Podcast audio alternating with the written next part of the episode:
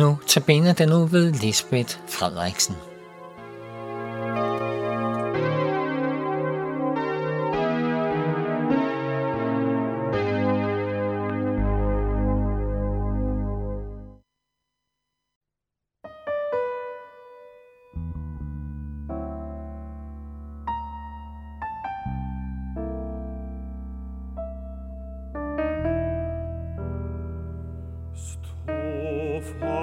Min själ, stå fast i Herrens kriger. Tänk vilken skam och last om Gud du sviker. Tänk vilken kändig ting först Gud och känne och siden sig omkring och siden sig omkring till världen vänner.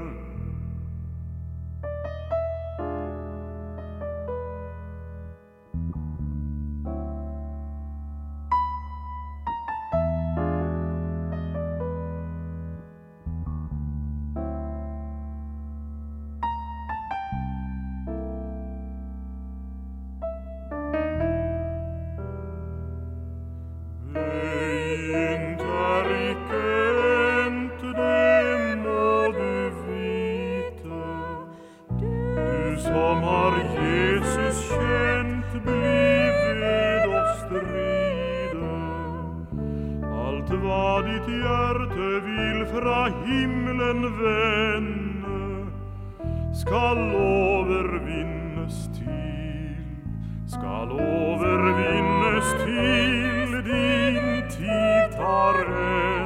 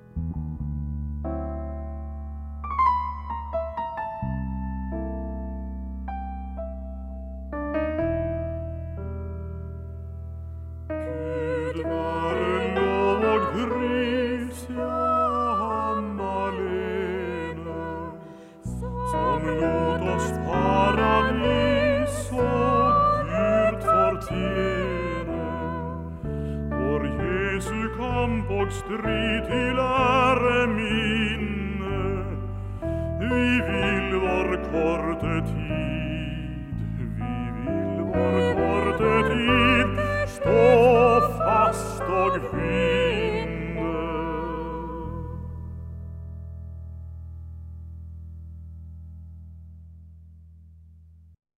Vi hørte, stå fast, min sjæl, stå fast. Dagens anda- andagt hedder Salemus overmod. Ånden er reddet, men kødet er skrøbeligt. Sådan siger Jesus i Matteus evangeliet kapitel 26, vers 41, og det vil jeg gerne minde om i dagens andagt. USA's præsident Trump er ikke bleg for at fremhæve egne bedrifter. Han sætter ikke sit lys under en skæppe, som man siger. Han bakkes op af sine tilhængere. Trump er den bedste amerikanske præsident nogensinde. Vi danskere er nok lidt skeptiske over for den slags skrål. Beskedenhed er mere vores stil. Jeg kom til at tænke på de hyppige udnævnelser af Trump som den bedste eller største præsident nogensinde, eller hvad det nu er for rekord, rekorder, Trump synes at slå, da, det, da jeg satte mig for at læse om kong Salomo i konge- og krønikebøgerne i det gamle testamente. Salomo blev konge af Israel efter sin far David. I en drøm spurgte Gud Salomo, hvad han ønskede sig. Da Salomo fandt, at han var ung og uerfaren, bad han om at få et lydhørt hjerte, så han kunne skelne mellem godt og ondt, når han skulle herske over Guds folk. Til dette svarede Gud, Nu giver jeg dig så stor visdom og forstand i hjertet, at der aldrig tidligere har været, og heller ikke siden skal komme nogen som dig. Fordi Salmo havde bedt sådan, gav Gud ham løfter om rigdom og ære, og hertil et langt liv, hvis Salomo ville følge Guds love og retsregler. Gavmildt gav Gud Salomo alt, hvad han ønskede sig og mere til. Gud holdt sandelig sit løfte, for Salomo blev verdenskendt for sin rigdom og visdom. Aldrig så store mængder af guld, balsam og andre rige gaver blev bragt til Israel, og hele verden opsøgte Salomo for at høre hans visdom. Trump ville have haft en svær konkurrent, hvis Salomo havde levet i dag. Fra sin far havde Salomo hørt en profeti om, at en af Davids efterfølgere skulle, grundfæste hans kongetrone til evig tid og bygge et hus for Guds navn. David ville selv bygge et hus til pakkens ark, som i mere end 400 år siden ørkenvandringen havde stået i et telt. Dette tillod Gud imidlertid ikke, for David var kriger og havde udgydt blod. Som ung nysalvet konge får Salomo, Salomo af David overdraget en detaljeret plan for det nye tempel. Ligesom Gud havde givet Moses instrukser for åbenbaringsteltets konstruktion og indretning, havde David fra Guds egen hånd fået enkeltheder om det nye tempel med alle mål og vægte angivet. Til støtte for sin søns, søns byggeri har David ved sin død endda fremskaffet de nødvendige mængder af guld og sølv, jern, ædelstene og træ, samt tilsavn om beredvillige mænd og frivillige gaver fra folket. Finansieringen er således på plads.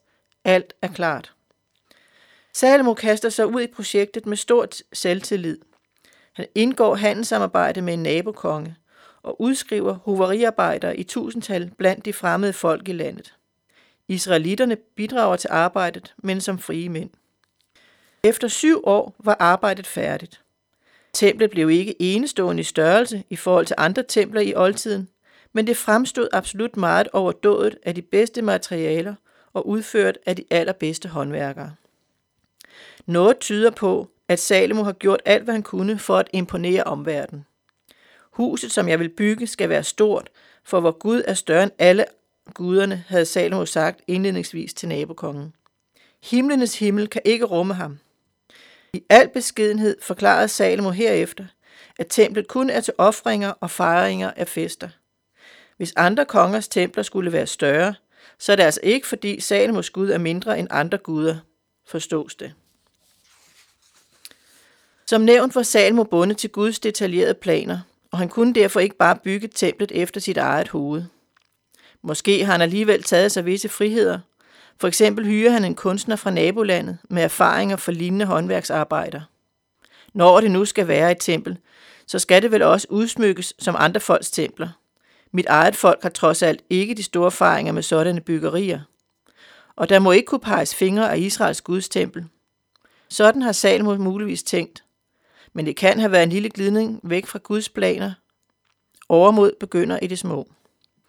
Salomos popularitet og hans evner medførte, at rigdommene væltede ind i landet, og at selve Faraos datter blev hans hustru.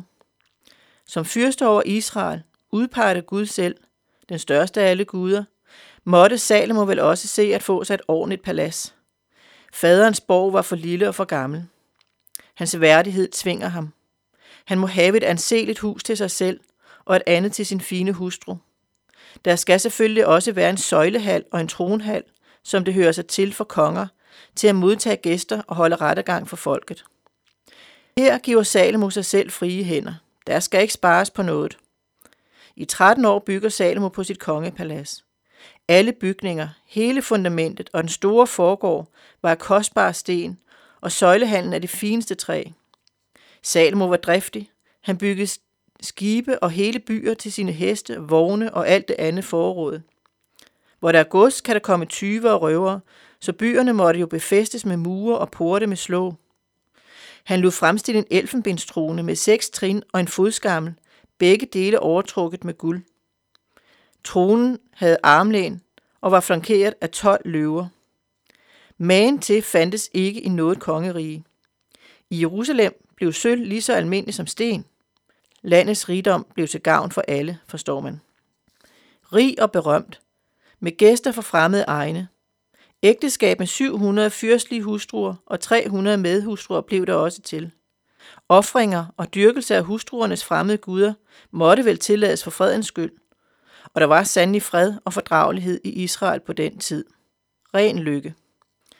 Var det nærmest Guds rige på jord? Blev Davids kongetrone grundfæstet ved Salomo? Nej. Riget blev delt efter hans død. Det blev Guds straf for Salomos overmod og utroskab. Endeløs tomhed. Alt er tomhed, skriver Salomo i prædikernes bog. Hvad gik der galt for Salomo? Jeg mener, svaret er, at han begyndte i åndelighed, men endte i kødelighed. I sit kødsbegær fulgte Salomo, hvad kødet og sindet ville. David havde ved sin død sagt til Salomo, Hvis du søger Gud, finder du ham, men hvis du svigter ham, forstøder han dig for evigt. Glemte han disse ord i sin travlhed? Gud tog hans liv tidligt. Vi ved ikke, om Salomo nåede at vende om, eller om Gud forkastede ham for evigt. Johannes Døber siger om Jesus, han skal blive større, jeg skal blive mindre. Salomo blev stor i menneskers øjne.